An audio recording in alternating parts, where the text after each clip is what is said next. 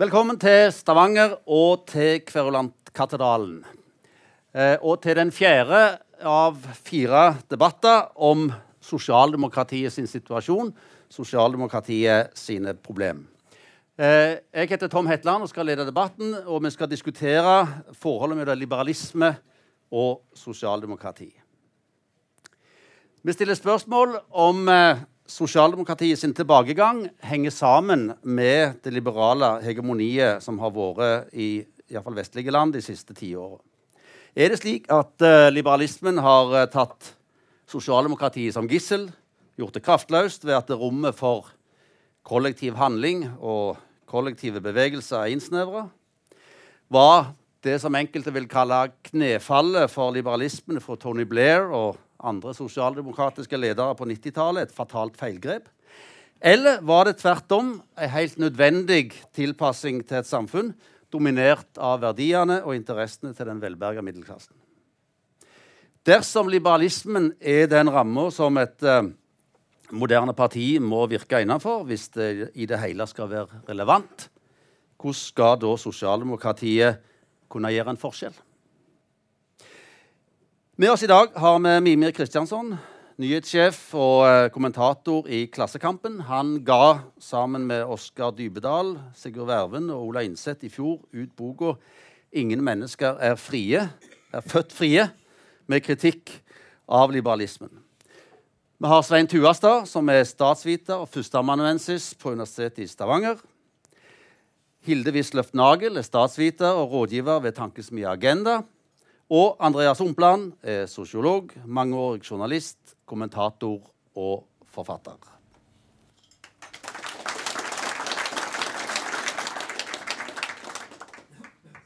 Og jeg har lyst til å åpne med et kort spørs et spørsmål som jeg ønsker et kort svar på før vi liksom begynner, begynner, å resonnere om dette her.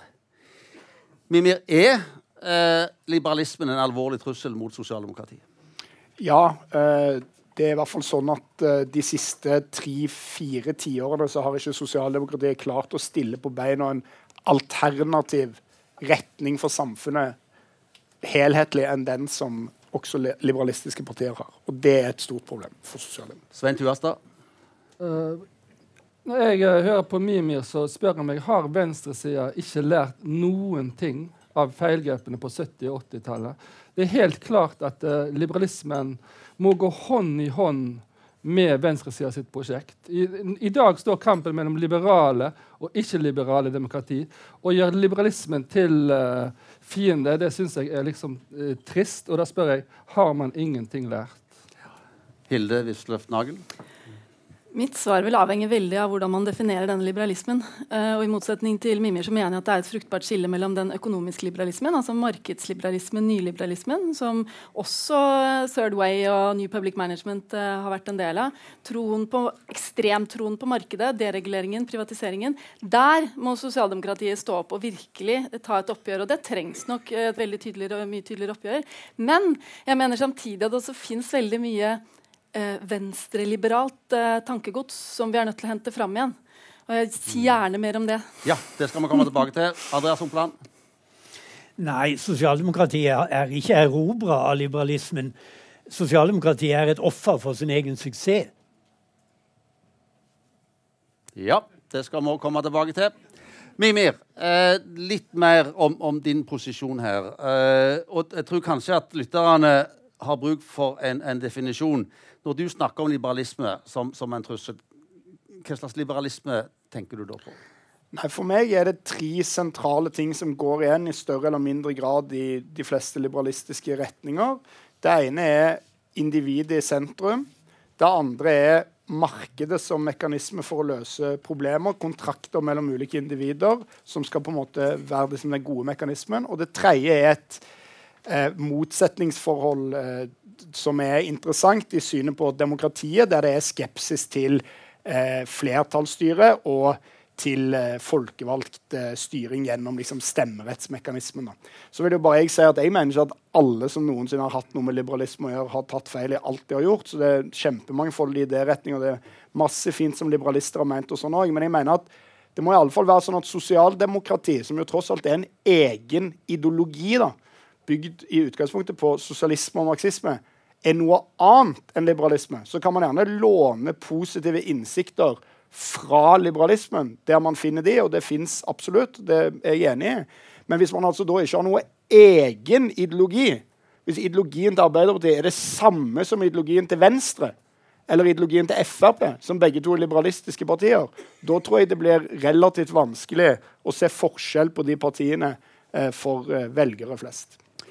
Hilde, eh, du var blant de som, som kritiserte denne boka til, til, til Mimir og kompani da hun kom ut. Hvorfor gjorde du det? Ja, altså jeg ble ganske provosert av, av undertittelen, rett og slett, fordi det var en kritikk av liberalismen. Og For meg så gjorde den da ikke det ganske vesentlige skillet mellom den økonomiske liberalismen. Jeg oppfattet at veldig mange av kapitlene handlet om det. Mange av kapitlene er gode. Dere burde lese dem. Særlig en del av de skrevet av de kvinnelige eh, bidragsyterne, som ikke har kommet så mye fram, er knakende gode. Men veldig mange av dem handler om det jeg mener er liksom, kritikken av at man setter markedet først. Uh, av uh, individet i sentrum, men da som markedsaktør uh, osv. Og, og, og det treffer på en del av liberalismen, men det treffer ikke på den delen av liberalismen jeg mener det nå er på tide å hente fram igjen. Så jeg vet ikke om jeg kan ja, si, ja, si, litt, si litt om det. Altså, si kort om det ja. ja, som, nei, som hvis? Hvis, hvis, vi ser liksom, på sosialdemokratiets tilblivelse Det startet med en eh, sosialistisk kritikk som var, en, en, eller hva skal jeg si, en samfunnsanalyse som sa her er det urettferdighet, det er utbytting, det er enorme økonomiske og, og, og, sosiale problemer. Det må vi gjøre noe med. Men løsningen som ble valgt, var den demokratiske. Man valgte altså det liberale demokratiet som måten man skulle få rettferdighet, få gjort noe med, med ulikhet osv det er det som nå er truet så mange steder i verden, er dette eh, liberale demokratiet vårt. Vi har tatt det for gitt. Det er blitt en del av hegemoniet. Det er ikke lenger stor uenighet om det politisk, men det er truet på vesentlige områder, og vi er nødt til å ta det tilbake. Og det betyr å si ja, vi får teknologiske endringer, men da skal vi som samfunn sammen i det liberale demokratiet vårt bestemme hvordan takler vi det. Det skal ikke markedet bestemme. Det er å ta politikken tilbake igjen og la politikken være herre over markedet som en god tjener kanskje innimellom, men ikke som, ja, som herren. Svein hva mener du når du sier at uh, en må ikke gjøre om igjen de samme feilene som på 70- og 80-tallet? Altså, poenget var jo at uh, uh, ML-bevegelsen, altså det regimet som man så opp til, gjorde jo alvorlige feil hele tida. Og og selv SV som er, uh, altså Selv har jeg vært, har en bakgrunn i SV. og og, og syns egentlig ofte at den kritikken som høyresida sine historikere retter mot SV, er urettferdig. for jeg kjenner meg ikke igjen i det. Men når jeg går tilbake og leser f.eks. Rossavik si bok om hva man mente om Sovjetunionen, så, så, er jo liksom noen av den kritikken helt riktig. At man hadde liksom et form altså Sånn som han Dag Seiersted sier i uh, den Rossavik-boka, som er veldig treffende, at man var, hadde helt rett når det gjelder likhetsanalysen og liksom positiv med sånn folkelig eierskap, men man bomma rett og slett på de liberale rettighetene. Altså det, det, det har man liksom erkjent i, SV på sånn 80-tallet. Så, så, holder man på med det der ennå. Og, og, og grunnen til men, men, men, men, hør nå. Sovjetstøtte. Men, grunnen til at, til at, jeg sier det, er jo det at jeg, jeg syns at du og, uh, ofte har, har kjempegode sånne innspill og kritikk. Sånn. Men, men, det å ikke, ikke, forstå at uh, det, det, det, er en kjempeutfordring for venstresiden i hele verden at man ikke respekterer individuelle rettigheter. Altså, da, da, er det noe som har gått feil. Da Da har man holdt på enda med studiesirkel i sånn kommunisme istedenfor å ste, for, for, for, forstå hvordan staten skal behandle borgerne. Kan jeg få si en bitte liten ting, Tom? Og det er det at uh, Du sier liksom at det ikke fins noen sånn klar liberasjon om, uh, av, av, liberalismen. Det, det synes jeg er veldig sånn tullete og uintellektuelt å si. Ja, har du gjort jobben? Altså, en sentral person, uh, Helt sånn sentrale teoretikere i liberalismen, sånn som John Rawls, Habermas, Dworkin Hva sier de? Se, se, det som, se det som Dworkin sier. Det handler om at liberalismen er en måte for å få staten til å behandle medlemmene, altså samfunnsborgerne som likeverdige. Staten skal ikke si at du og din religion eller din klasse er bedre enn andre. Den skal si at uh, vi skal hindre sosial dominans og sikre likeverdighet. Og Pga. dette så kommer de andre tingene. Så kommer på en måte organiseringen av samfunnet av uh, graden av marked eller ikke marked. Og, uh, sånn som en, en fyr som John Rawls han sier jo helt eksplisitt at uh, velferdskapitalisme er ikke nok. Fordi det er for, fordi det, det, er for lite altså, det, Men jeg har ikke maktkritisk nok. Altså, det, det, har ikke gjort jobben. Ok, Jeg stopper litt der, for vi må, vi må, må få svare på dette. Er det gamle Sovjet du vil tilbake til? Altså, jeg synes det er altså, rett og slett så uredelig av Svein at jeg blir helt matt. Altså. For at, jeg, må, jeg, må, bare si her kommer noen. De er kritiske til en politisk ideologi, liberalisme. Og det står ingen steder i den boken eller i noe annet som noen av de som har skrevet den boken, noensinne har drevet med. Som er Vi ønsker det som i Sovjet. Det synes vi var et bra, riktig system. La oss ha diktatur. Men likevel så er det åpenbart så vanskelig for folk som skal prøve å forsvare liberalismen. De er så rett og slett intellektuelt dårlig utrusta at de klarer ikke å svare på en kritikk av sin egen ideologi uten å heise fram det ene skrekkveldet etter det andre og komme tutende og kjørende med 70-80-tallet i Kambodsja. Nei, jeg må svare om litt mer før du får glede. Og så vil jeg, for jeg vil bare gjerne fullføre akkurat det resonnementet. Det må være mulig å være kritisk til liberalismen hvis vi skal ha en debatt uten at du skal bli anklaget for å støtte Sovjet. Og så vil jeg gjerne si en ting. Hva er det vi ønsker? Hva er kjernen av det du kan finne her? Jo, det er en veldig sterk tro på folkestyret. Det er en sterk tro på demokratiet i form av flertallsstyre. Og vi kritiserer jo liberalismens tvetydige historie i forhold til det. Var det demokrati i Sovjet? Nei. Var det folkestyre i Sovjet? Nei. Var problemet i Sovjet at massene hadde for mye makt? Nei, massene hadde ingen makt i Sovjet. Problemet i Sovjetunionen var at det var et lite partidiktatur på toppen. Og jeg vil bare si ja, det, jo, jeg må bare si det ja, òg, når jeg har ja. ordet. Og det er det at du setter et likhetstegn mellom liberal og demokrati. Men det er jo der vi er uenige. Vi er ikke enig i at alt som er liberalt og alt som er demokrati, er de samme tingene. De tingene går hånd i hånd mange steder i verden, og mange positive ting er selvfølgelig liberale. Men demokrati er jo det vi peker på at liberalismen ofte har vært svak på. Ofte har vært negativ liberalistiske tenkere som alle er enige om at er liberalister, har vært negative på punkt etter punkt etter punkt til å utvide både stemmeretten og til å utvide folkesuvereniteten. Vi, vi skal, komme tilbake til demokratiet uh, litt senere. Uh, og jeg vil gjerne trekke Humpland inn, men, men Svein Tuastad skal, uh, skal, få et, en kort replikk. Du, bare, altså, det å si at uh, pga. Uh, Pol Pot så er marxismen helt fjern. Eller å si at det kinesiske kommunistpartiet sin politikk det er Eh, det viser at sosialismen er dum. Altså, det er jo helt dum, eh, altså, det er helt ekstremt upresist å si. Men på samme måten så er det helt ekstremt upresist å si at uh, en, en markedsliberalisme som er uttøyla, viser at liberalismen er helt feil. Altså, det har vi ikke sagt. Men, men, men det er jo det, som er, det, det, det som er hele prosjektet. Andreas Opland, du har overlevd nær sagt både Pol Pot ja, og andre. Ja, altså, ja. Jeg sløs Tom, jeg sløste bort flere semester av mitt liv på begynnelsen av 70-tallet med å slåss mot uh, Mimir Kristiansens politiske fedre og bestefedre. Så det er jeg ferdig med. Det gidder jeg ikke mer. Det er en uinteressant diskusjon nå.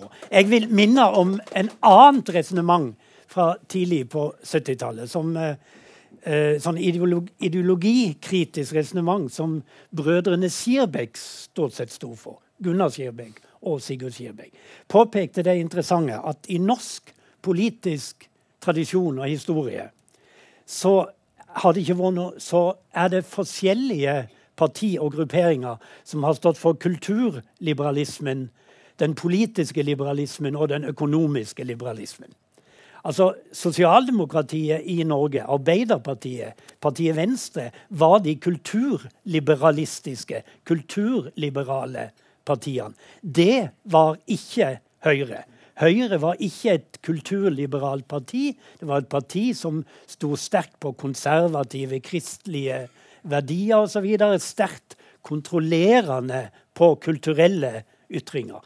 Mens, som Skirvek sa, det eneste, som eneste grupperingene i Norge der den kulturliberalismen faller sammen med den økonomiske liberalismen, er de 14 som sogner til farmann.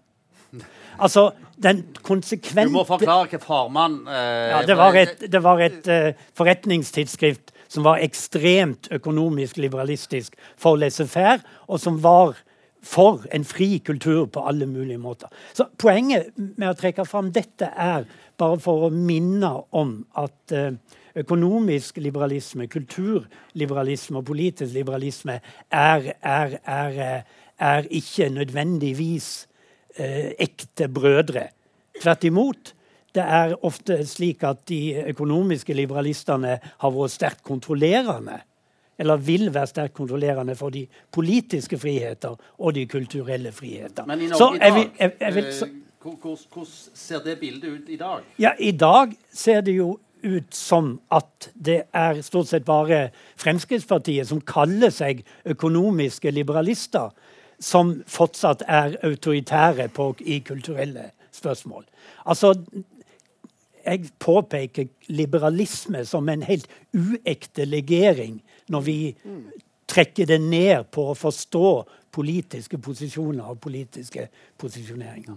Hilde, Hilde Nagel, eh, du òg skiller her. Altså, hva er det for en, altså, Hvis du kan utdype litt mer, hva er det slags liberalisme som du på en måte, vil ha som en, en, en, eh, en, del av sosialdemokratiet, en helt nødvendig del av sosialdemokratiet for at uh, sosialdemokratiet skal, skal uh, klare seg framover? Ja, jeg, jeg, tror kanskje vi forstår det bedre hvis vi går til USA, faktisk. fordi her i Norge så har vi fått den litt underlige posisjonen at uh, du kan ikke nevne ordet liberalisme uten at du på en måte er på høyresiden politisk. Og det, det, føles veldig rart når du kjenner den amerikanske konteksten, som er veldig spesiell igjen, og som på mange måter ikke kan sammenlignes. Men hvis du går til USA etter de harde 30-åra. Det var Steinbecks USA, det var uh, nød, det var elendighet. Den reaksjonen som kom da, som var New Deal, som var eh, Franklin D, som var eh, det, det, var jo den type Nei, hør nå her. Det holder ikke å bare regulere på en måte eiendomsrett og, og de politiske rettighetene og frihetene. Vi må også se på det sosiale. Vi må gi folk økonomisk trygghet. Ellers er ikke disse rettighetene noe verdt. Og av det vokste det jo en form for liberalisme som vi snakker i USA, ikke var veldig langt ut på venstresiden, men som anerkjente det. Og så kom 60-tallet, hvor du hadde eh, hvor, du, hvor, du, fikk gruppene, hvor du fikk kvinnesaken og hvor du fikk eh, Så du utvidet det igjen. Men jeg tror gå til, gå til reaksjoner. ikke sant? Gå til hva, var det, hva er det som skjer når folk Og igjen, det er behov for det nå. fordi det vi ser med økende ulikhet og, og økende forskjeller i verden Vi trenger en sterk liberalisme som står opp og sier ja, det er individer, de har noen rettigheter, men de har også krav på noen form for grunnsubstans i forhold til å klare seg økonomisk og være fri i et samfunn. Og vi må tilbake til det. Da, eh, kan jeg bare si en historisk replikk til? Altså, Jeg var i ett semester medlem av Studentvenstrelaget i Oslo. Og vi kalte oss selvsagt sosialliberale. Og i norsk tradisjon har det vært veldig klart skilt mellom liberalt og liberalistisk. Spesielt går det på hele kulturpolitikken, forståelse av forholdet mellom individ og, og stat. Og, så det er også en viktig dimensjon å ha med. Altså, når du trekker inn USA, så snakker de om liberal, og det er noe annet enn libertari libertariansk ekstremt stor forskjell. Altså, det er jo der du, jeg tror nettopp der har du et skille. Du kan snakke om libertanisme, økonomisk liberalisme, form, men, det mange, men, det er igjen ikke bare kulturliberalismen. Det er men dette vil, er også alle her helt enige om. At det finnes mange ulike typer liberalisme. Da, da skal jeg bare få uh, fortelle til nye P2-lyttere at vi er inne fra uh, Kverulantkatedralen i Stavanger og diskuterer liberalismens forhold til sosialdemokratiet uh, med Mimir Kristiansson. Svein Tuastad, Hilde Wisløff Nagel og Andreas Humpland. Jeg har lyst til å ta fatt i noe som, som Andreas Humpland sa innledningsvis. Nærmest at, at, problemet for sosialdemokratiet var at de hadde gjort seg selv, eh, at det var offer for sin egen suksess. Eh, Tage Erlander, den svenske sosialdemokratiske landsfaderen, sa at målet med politikken er å lage et dansegulv der alle kan få danse sine egne liv. Eh, og er det sånn at det er det, og, og, det har jo kanskje sosialdemokratiet hatt eh, betydelig suksess med. Er det da sånn at det er en uunngåelig utvikling at et samfunn med større velstand og, og, mer utdanning går i retning av mer individualisme og mer liberale verdier? Mimir og så Svein. Um, altså det jeg bare får si litt det der Det første sånn, den tesen som kommer her, da, at man er offer for sin egen suksess. Og den er jo at man har, Ideen er da at i starten var de fattige veldig veldig, veldig fattige, og dermed var de veldig arge og ville endre på ting. Og så etter hvert så ser man ikke noe bruk for Arbeiderpartiet lenger, fordi man, ikke, man har ikke de behovene eh, man hadde før. Man ja, har mat og hus og klarer seg. Og Den eh, er jo veldig forlokkende, den teorien, men i alle fall så er det én liten, lite problem for den teorien som er oppstått de siste ti årene. Cirka. Og det er at Etter at Europa har blitt rammet av en enorm finanskrise som har reintrodusert ikke bare arbeidsløshet, men til og med sult i land i Europa, så har ikke sosialdemokratiet styrka seg igjen. Folk har tenkt å vi har behov for disse partiene, de gamle, gode partiene som redder oss. Nei, tvert imot har sosialdemokratiene kollapsa i møte med den krisen. Sånn at du skulle tro da, at hvis problemene var løst på en måte en gang på 70-80-tallet, så ville f.eks. økende ulikhet, som det har vært i Norge gjennom over uh, tre tiår, så ville man jo da tro at nå skulle igjen på en måte de bevegelsene som rører på seg og vokse. Men sånn er det altså ikke. Og Det synes jeg er et veldig interessant spørsmål, og det beviser tror jeg, behovet for at det foregår en eller annen nyorientering eller reorientering av sosialdemokratiet. Og når, jeg, når vi ga ut denne antologien, så fikk jeg svar eh, fra Svein Tuastad, eh, som sitter ved min side, som sa det nytter ikke å rope på Gerhardsen. Og vi hadde jo ikke nevnt Gerhardsen i boken, men etter at vi fikk eh, påpakk for det, så skjønte jeg at Gerhardsen, that's the place to go. Og da gikk, vi, gikk jeg rett og, og, leste Gerhardsens memoarer og skal komme ut med en pamflett nå i vår Svein, som heter 'Hva ville Gerhardsen gjort?' Det er helt sant. Den er bare å glede seg til. Uh, og den handler om, om uh, Einar Og der mener jeg det fins tre lærdommer fra Einar Gerhardsens Arbeiderparti som jeg tror Arbeiderpartiet har gått over å gjenoppdage. Og dette er ikke at Arbeiderpartiet skal lære av verken SV eller Frp, men å lære av sin egen historie. Alle disse tre tingene i mine øyne er ikke spesielt liberalistiske. Det første er at Arbeiderpartiet må finne, få en slags analyse av hvem man er til for, som må bygge på en eller annen form for klasseanalyse av samfunnet, og bygge en svær velgerkoalisjon basert på store grupper i samfunnet. Det andre er at Arbeiderpartiet må eh, gjenoppdage planøkonomien. Ikke i den sovjetiske formen, men i den norske formen. Altså I 30 år etter krigen så var det Einar Gerhardsen og kompani sto for. Det kalte de sjøl planøkonomi. En av eh, resultatene av det er at vi har offentlig kontrollert oljesektor i Norge. Nå skal vi løse klimakrisen, og det skal bare markedet ta seg av. Nå er det oppdrettsnæringsboom. Det skal bare gå liksom hurten styrten som det vil. Nå sliter vi med skognæringen. Hvordan skal vi bygge opp den? Ja, i hvert fall staten skal ikke blande seg inn. Sånn at Man må gjenoppdage den troen på at politikerne også kan styre økonomien. Og det tredje er at de må gjenoppdage en ideologisk arv. Einar Gerhardsen gjennom et langt liv kalte seg aldri sosialdemokrat en gang. Det er en fun fact som dere kan ta vare på. Han kalte seg gjennomgående for sosialist. Og nå vet jeg ikke om den sosialismen Einar Gerhardsen sto på, om det er den man skal gjenopplive. eller sånn. Men Arbeiderpartiet og sosialdemokratiet må i alle fall ha et mål om et bedre samfunn enn det vi har. Det nytter ikke bare å si samfunnet er som det er, og vi skal forsvare det mot alle angrep fra høyresida. Man må òg ha en egen progressiv visjon, for hvis man ikke sikter på månen, så er det ingen sjanse for å lande på taket heller. Ok, Her skal alle komme til orde. Eh, men eh, når det er spørsmål om hva Gerhardsen ville ha gjort, så ser jeg på deg uvilkårlig, Andreas. Du mener jeg er en samtidig, ja? ja. Eh, ja. Nei, jeg vil anbefale Du er iallfall et barn av Gerhardsen. Takk. Jeg vil anbefale Mimir å lese særlig grundig den tilleggsbindet som Einar Gerhardsen skrev til memoarene sine. Det bindet han faktisk skrev sjøl, og ikke hadde uh, statistiske innhenter for å skrive det. Der er det en trist Einar Gerhardsen som snakker. Det er Einar Gerhardsen som sier før var folk naboer, nå bor de bare ved siden av hverandre. Altså Det er tristheten som rammer sosialdemokrater som ikke så sin purpose lenger. Og det, Mitt favorittsitat for å illustrere det er fra LO-lederen eh, Konrad Nordahl. Han skrev i sine memoarer om noe han kalte massenes individualisering. Og Konrad Nordahl ble også en trist mann på sine gamle dager.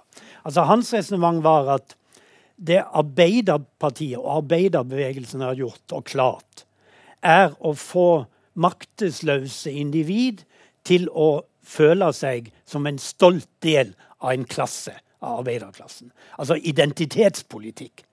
Og når enkeltindivider solidariserer seg, ser at de er en del av en klasse og har felles interesser som klasse, på det grunnlaget kan de både gjøre noe sjøl for å bedre sine kår, og da er det mulig å drive politikk for en hel gruppe, for en hel masse. Men, sier Konrad Nordahl, da, eh, da, de, da disse tidligere maktesløse individer var løfta opp og fram, så ville de ikke lenger være en del av massen og kollektivet. Da ville de gå videre hver for seg og forme sine egne liv.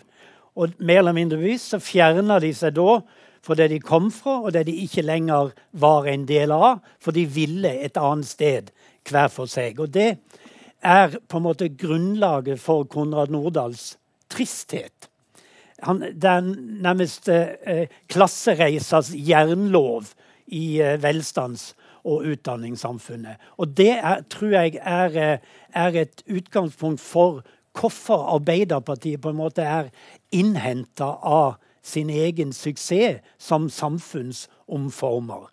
Eh, du får ikke til det de får ikke til det Mimir sier, at nå må vi igjen skape en brei koalisjon mellom, eh, mellom, de velstående, de velberga og de underprivilegerte. Som var Arbeiderpartiets på en måte forlengelse av Arbeiderpartiet som et klasseparti.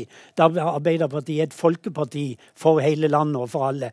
Og på en måte bygde på denne en slags kollektiv fellesforståelse at vi er alle i samme båt. Og det er jo det som grunnleggende er solidaritet, som er noe annet enn menneskevennlighet og altruisme. Hilde, du, du skal jo på en måte representere det moderne sosialdemokratiet her. Og, og, og, dette er jo ganske triste perspektiv. Ja, jeg er enig i mye av dette, men det er mye nostalgi, da. Det er mye tilbake til en tid som jeg tror altså Det er ikke alt vi ønsker oss tilbake til heller.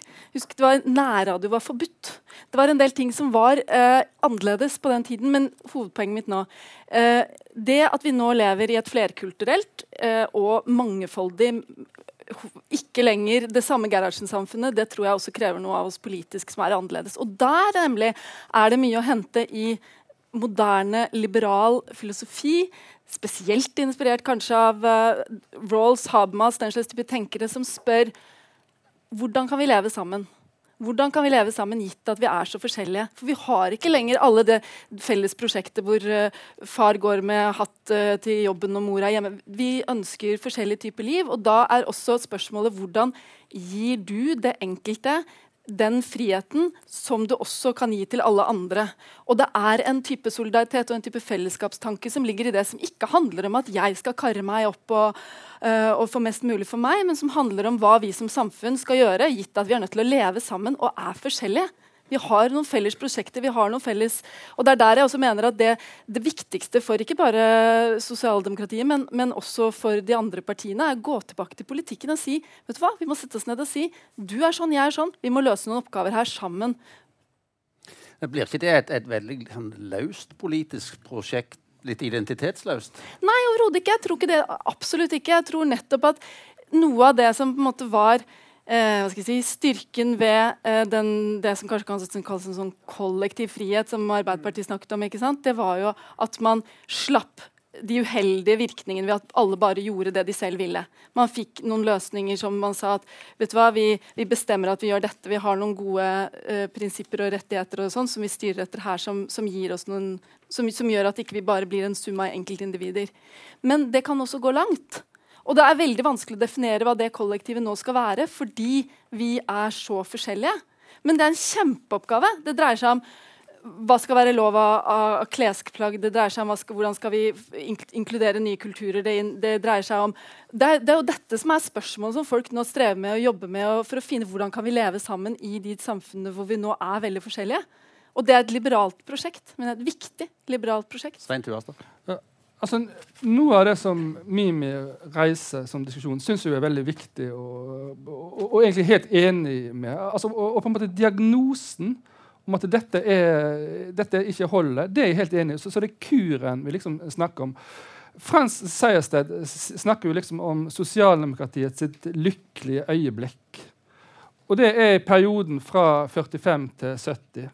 Og da var det jo, altså det, Tilbake til, til Gerhardsen. Altså, da var det noe, altså, da var det jo noe uh, veldig vellykka i måten politikken fungerte på.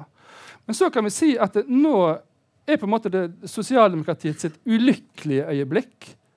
Uh, og, og, og, det er helt systematiske grunner til det, som vi egentlig kan bruke sånn marxistisk analyse for å identifisere. Altså det handler egentlig om, Dere snakker jo bare om overbygning, men vi må se på basis her. Altså det, det, er produktivkreftene som er forandra. Så, så saken, det som er saken, når dette egentlig, vi er en slags mellomfase der vi er i sosialdemokratiets sin, uh, ulykkelige på en måte, uh, fase, det er jo det at uh, de, de, verktøykassa er tom pga. Uh, ut, altså teknologisk utvikling, dig, digitaliseringen, globaliseringen. Vi kan ikke gå tilbake til en nasjonalstatlig lukk økonomi, der man liksom kan sitte og, holde, og drive på med sånn der koselig eh, planøkonomi som eh, Mimi har tenkt å, å foreslå. Fordi at det, det, er rett og slett for komplekst. Det går for fort eh, med liksom eh, internasjonale produksjonskjeder. Så, da, så, spørsmålet er, når på en måte man skal sosialdemokratiet, eller det, liksom sosialismen, da, jeg regner meg selv som egentlig en liberal sosialist òg, skal igjen liksom på offensiven. Der må man ha et eller annet type internasjonalt svar. Altså Man må rett og slett europifisere sosialdemokratiet. Men det, da, da, har jeg lyst til å bringe inn et, et, nytt perspektiv. Kanskje det en kan kalle for liberalismens ubehag. Eh, filosofen Sigmund Baumann eh, spådde på 90-tallet at den liberale globaliseringa ville føre til et større skille mellom tapere og vinnere. Eh, mellom det, det, han kalte for de rotløse, som kan i prinsippet bo og arbeide hvor som helst, og de, de stabondene som, som, som, som er, føler seg knytta til et lokalsamfunn eller til en, til en nasjon. Og, og, det en ser i land etter land, er jo nå at det skjer et opprør med Trump, med brexit, eh, valg i andre land. Eh, og at det er høyrepopulistene som målbærer det, det opprøret. Hvorfor skjer ikke det i sosialdemokratisk regi? Altså, det er jo, dette er utrolig interessant, syns jeg. Altså, I veldig mange sentrum-venstre-partier Det går ikke an å kalle demokratene tror jeg, for et sosialdemokratisk parti, men i Europa så er de sosialdemokratiske, de fleste av dem. Så har man avskrevet og det har skjedd i ganske tydelige ordelag. Man husker jo Hillary Clintons 'basket of deplorables'. En stor del av befolkningen som uinteressante, som på en måte ikke-eksisterende, som velgergrupper man ikke ønsker å ha på laget. Dette er jo de gamle kjernevelgerne til, eh, i mange land til de sosialdemokratiske partiene. Og det er ganske interessant, fordi at samtidig som de fleste begynner å bli enige nå at arbeiderklassens flukt fra sosialdemokratiet over til høyrepopulistene er årsaken til at høyrepopulister vinner valg, er det fortsatt helt umulig å overbevise sosialdemokrater om at de samme arbeidervelgerne kan vinne valg for sosialdemokratiet. For når man da foreslår det, da, at kanskje dere skulle henvendt dere litt til den gjengen der, så blir det sånn Nei, de er ikke så mange. De fins ikke lenger. Men gang på gang oppdager man at de folka der fins. Og det er ganske mange av de. Og det er ubehagelig når de dukker opp på valgdagen, liksom. Sånn at jeg mener at Det første steget er, er, som Svein helt riktig sier, man går og ser hvem er det folk er. Og da må jeg bare si den påstanden om at alle er så ulike, jeg tror ikke på det. Jeg tror folk er jævlig like. Folk i Norge de har en jobb. På jobben får de lønn, og de har en sjef. De får oppgaver, og de må de utføre. og Hvis de ikke gjør det, så kan de miste jobben og få sparken hvis de er slette, veldig slette jobben. De fleste i Norge de har ikke formue, de har lån. De har en bolig som de eier, de må betale renter til banken. Dette er grunnleggende interesser som gjelder det store flertallet av befolkningen. Sånn at, og Dette handler ikke om, om hvilke syn, hvilken type kultur man liker. eller sånn. Dette er grunnleggende store interesser. Og det er viktig å huske Hva slags velgerkoalisjon var det f.eks. Einar Gerhardsen og hans Arbeiderparti hadde? Og det er litt interessant. Visste dere at det aldri vært flere enn 15% i Norge som har jobba i industrien? Aldri.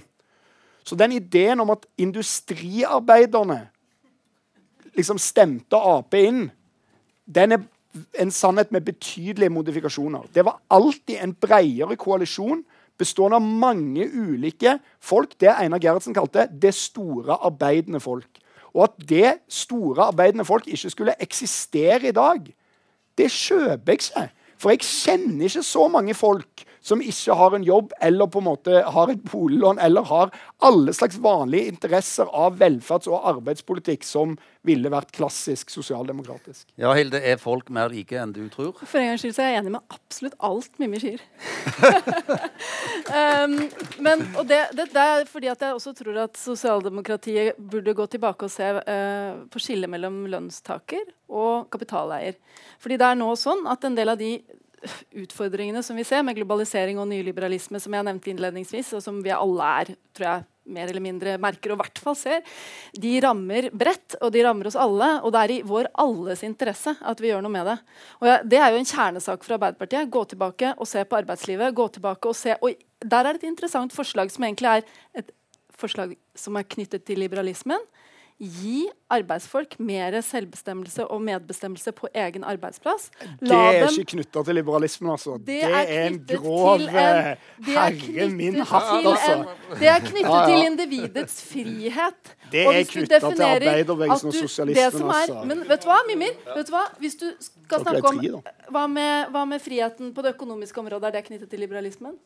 Nei, altså jeg mener ikke all frihet er knyttet til liberalismen. Området, på det politiske området. Ja, noen av de politiske rettighetene, ja. men stemmeretten ikke, vil jeg si. Deg, hvorfor skulle du ikke tenke deg et demokrati på arbeidsplassen? Ja, jeg er ikke imot det, jeg bare sier for deg. Jeg bare sier det er sosialisme. Det er jo det samme tankegodset som du da Nei, ja, ja, OK, kall det hva du vil. Ja, det er en god uh, idé, i hvert fall. Svein, Svein ja, Du spurte om uh, altså Baumann sitt perspektiv og, og, liksom disse områdene der det, det sitter egentlig litt sånn fortapt industriarbeiderklasse som, som, som, som, etter krigen i store perioder var liksom vinnerne, heltene, de som drev liksom uh, Som var på en måte bærekraften i lokalsamfunnet. Og nå sitter de liksom hjemme og helt ribba, både sånn kulturelt og økonomisk. Altså, og, og, så klarer ikke sosialdemokratiet å mobilisere dem, men det er jo høyrepopulisme. Da er det jo uh, det må jo sies at det, det, er veldig viktig å diskutere det, selv om jeg ikke er enig med svarene. Og, og, og, det som har skjedd ellers i Europa, er jo liksom at eh, sosialdemokratiet har, liksom har, har svikta på sitt aller viktigste rolle, nemlig med å være trygghetsgarantister for vanlige folk. Altså Når sosialdemokratiet ikke er det, når Tony Blair ikke er det og, og, altså Da er det ikke der har vi ikke bruk for sosialdemokratiet lenger. egentlig. Altså I Skandinavia vil jeg si det er enda er, er, er annerledes. Men så må man jo på en måte så Det er det, det ene. Men det andre, det er jo selv om det, om det, er helt feil politisk at disse har blitt marginalisert, så, så mener jeg òg at det er en svakhet ved både Mimir og, og liksom de som ja, kommentariatet på venstresida liksom at det, Industriarbeiderklassen skal liksom ha definisjonsmakta for hva sosialdemokratiet skal være. Det tror jeg er helt feil. Og jeg tror liksom, eh, altså Hilde Nagel hadde jo et kjempegodt intervju med, med Bo Rådsten, som, som finner på nettet, som alle der liksom, som, interesserer, som, er, som, som interesser, må lese. fordi at det, det, Der peker jo hun nemlig på, på, på det som jeg syns er helt overraskende. at ikke Mimir og gjengen eh, har med om. nemlig at det, Dette handler ikke om altså Produktivkreftene de må, de må jo få gå. Altså, de, vi må jo bruke digitaliseringen, handel og, og liksom ta, ta, i bruk robotene. Altså, det det handler om, er, det er produksjonsforholdene.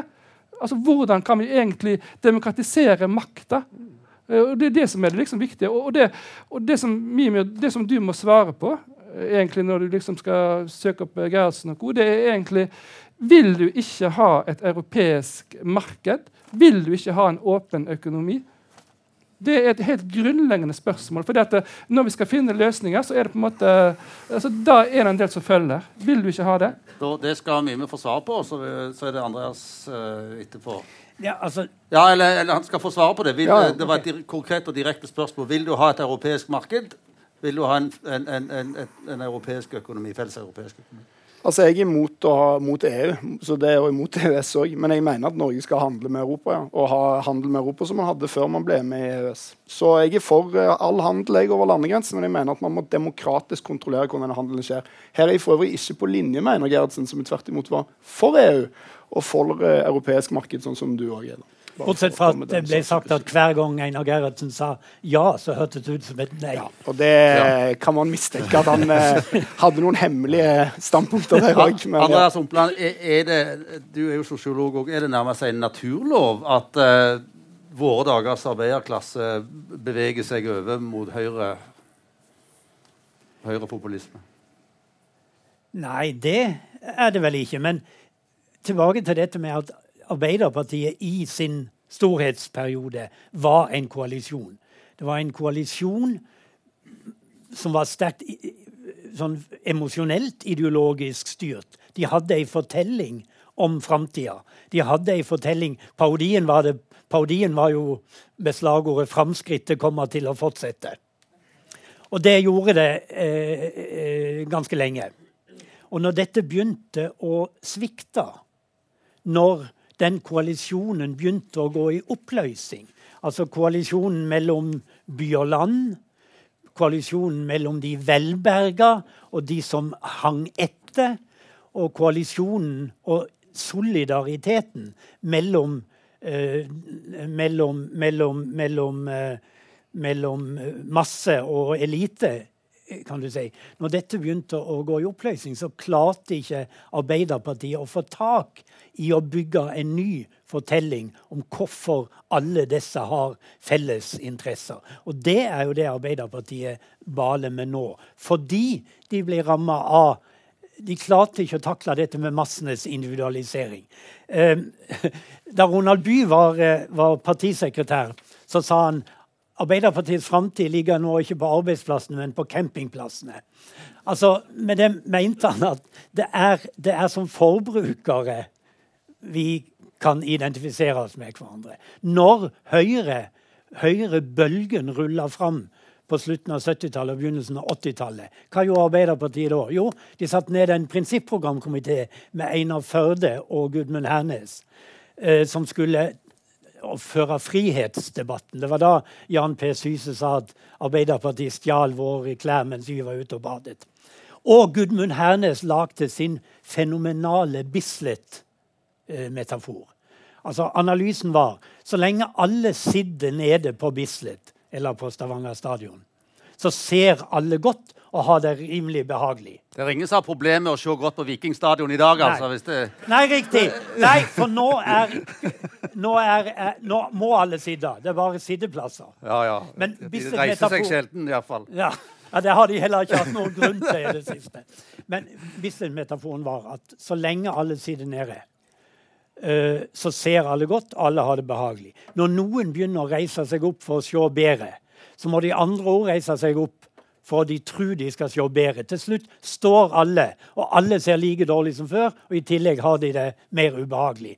Så eh, det Einar Førde og Gudmund Hernes så som Arbeiderpartiets eh, utfordring på 80-tallet, var hvordan skal vi få flere til å innse at de må sette seg ned igjen og bli en del av et kollektivt prosjekt på ny.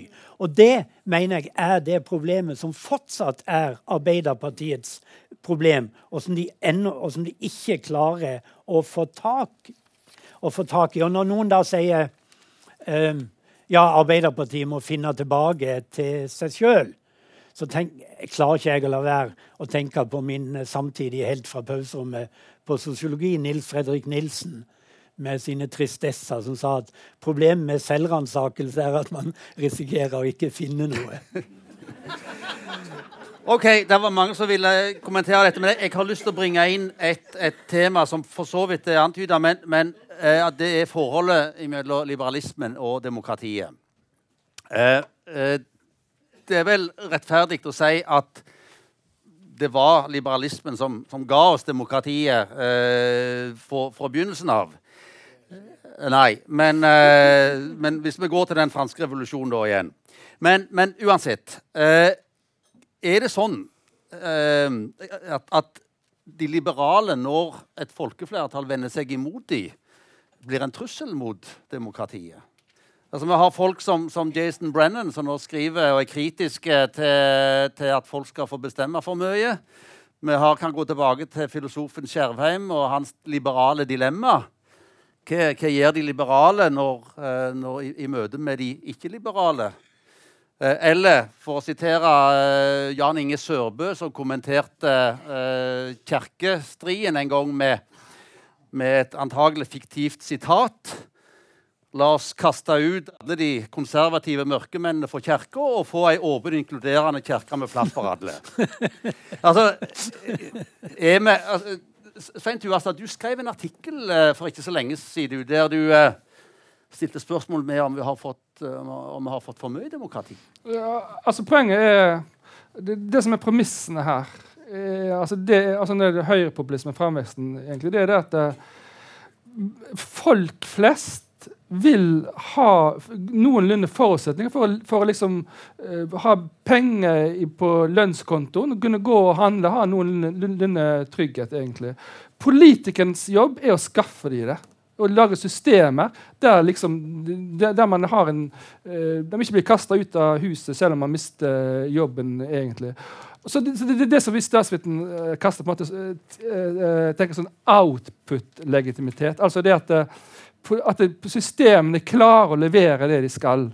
Og så kan du si, Deler av venstresida er helt liksom besatt av det motsatte, av sånn input-legitimitet. At alle prosessene må liksom være ute til folkeavstemning og helt sånn uh, detaljert. Og så blir det, altså F.eks. når man skal ha en, eller annen handelsavtale med, med, Europa og Canada, så, så, er det en, en sånn, et fylke i Belgia som stopper hele driten. liksom, sant? Og så, da, blir det da har det gått helt amok med de her uh, folkeavstemningene. Men, men, men altså, han, Jason Brennan uh, han er jo sånn libertarianer. Sant? Han er jo på en måte på den der, uh, helt, han liker jo ikke sånn at noen skal bestemme over han i det hele tatt. Så hele premiss, altså, så det blir liksom det samme greiene som sier liksom at uh, sosialismen er dum fordi at en eller annen uh, kinesisk ideolog sier sånn og sånn. Altså, det, det er ikke, som jo er det men, du har sagt hele debatten, så det er men, jo greit nok. Da. Men Mimir, du, du, du, du, er redd for, for at liberalismen ikke er helt å stole på når det gjelder demokratiet? Jeg vil si at liberalismen har et motsetningsfullt forhold til det. Og jeg er helt enig i analysen av Jason Brenn. Han er far out. og det er eneste grunnen til at han blir brukt som Han er nevnt tror jeg, én gang. Navnet hans nevnt én gang i denne antologien. Men, og der kommer det vel fram at han representerer en ganske sånn ytterliggående greie. Men den, det han sier eksplisitt, det fins implisitt som styringsideologi i Europa i dag. Og det er folk er ikke smarte nok til å styre. Og Derfor er det avgjørende at avgjørelser flyttes ut fra folkevalgte organer og over andre steder. Og Den norske maktutredningen, som er det største forskningsprosjektet i nyere makt i Norge, den peker nettopp på at det norske folkestyret er forvitring. Du flytter makt fra politikerne til markedet, fra politikerne til byråkratene, fra politikerne til overnasjonale organer, fra folkevalgte politikere til eh, rettssalene. Kort sagt, det blir mindre og mindre verdt med stemmeseddelen. Og det er legitimert, ifølge maktutredningen, av en eh, frykt for liksom, kortsiktige populistiske beslutninger. Dette er skrevet i 2002-2003, hvis jeg ikke husker feil, så det er før populisme på en måte ble en sånn ting alle snakket om. Og den frykten, sier maktutredningsforskerne, ligner til forveksling på de samme argumentene som man brukte mot å innføre stemmeretten i utgangspunktet. Nemlig at folk var så dumme at hvis du satte i gang med det der allmenn stemmerett, så kom de til å ruinere samfunnet. Og dette mente jo sjølerklærte liberalister i Norge gjennom hele 1800-tallet. Mente jo de, når Markus Trane og andre fra arbeiderbevegelsen som var sosialister, da, kom og sa nå burde husmennene òg få stemme, så sto liberalister og sa nei, da vil disse menneskene bare stemme i tråd med sine egne interesser merkelig. De rike de har ingen egeninteresser, så de må få stemme som de vil. De er så rike at de kan liksom ta valg. Men disse massemenneskene de kommer, zombiene, liksom.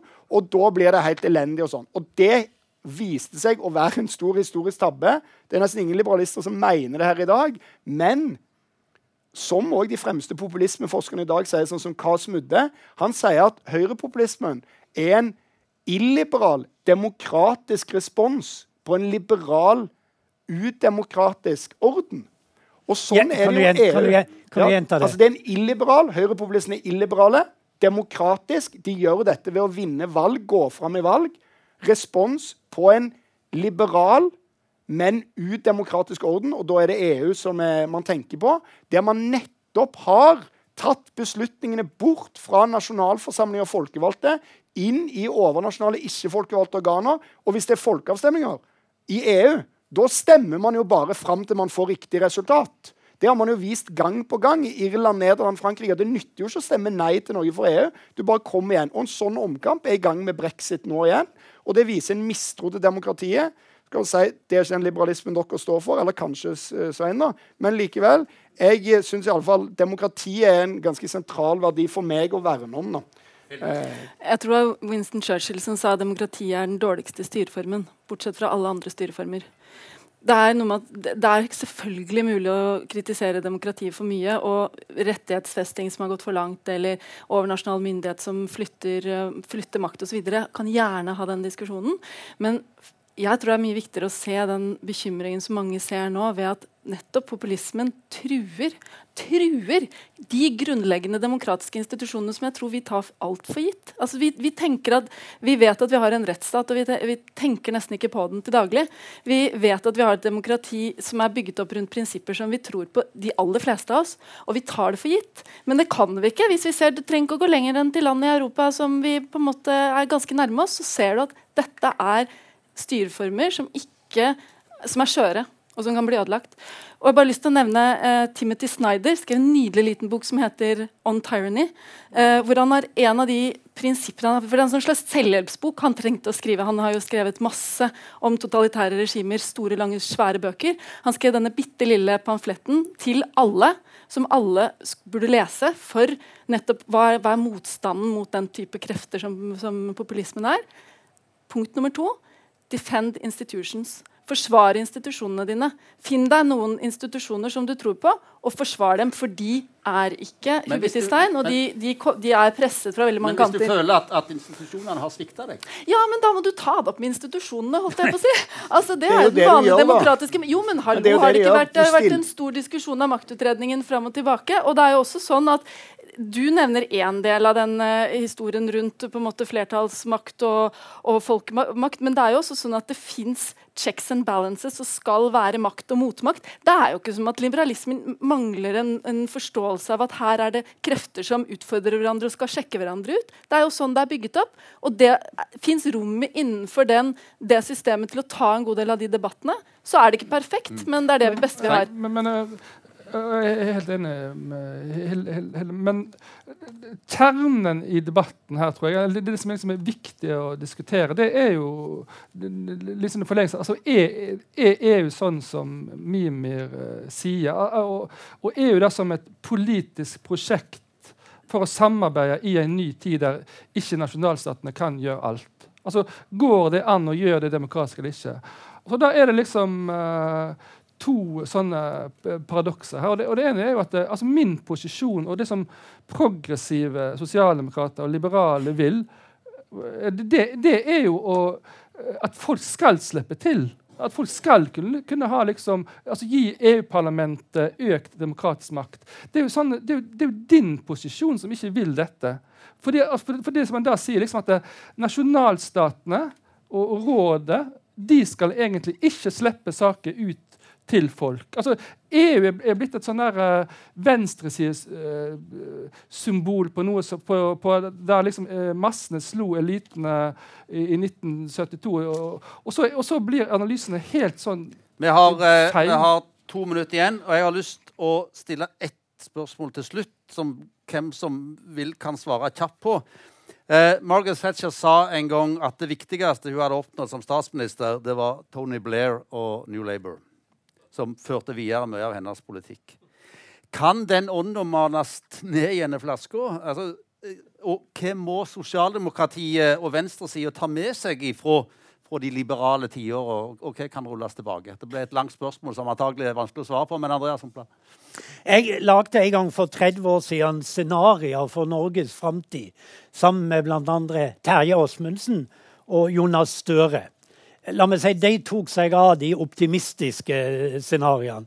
Jeg er mer hekta på undergangsscenarioer. Jeg syns det er mer spennende. Så min konklusjon på den debatten er at eh, jeg tror at Arbeiderpartiet er på vei til den eh, politiske æreskirkegården. Eh, de, har, de har vært så vellykka i å endre Norge til et samfunn der velgerne ikke lenger syns de har bruk for Arbeiderpartiet.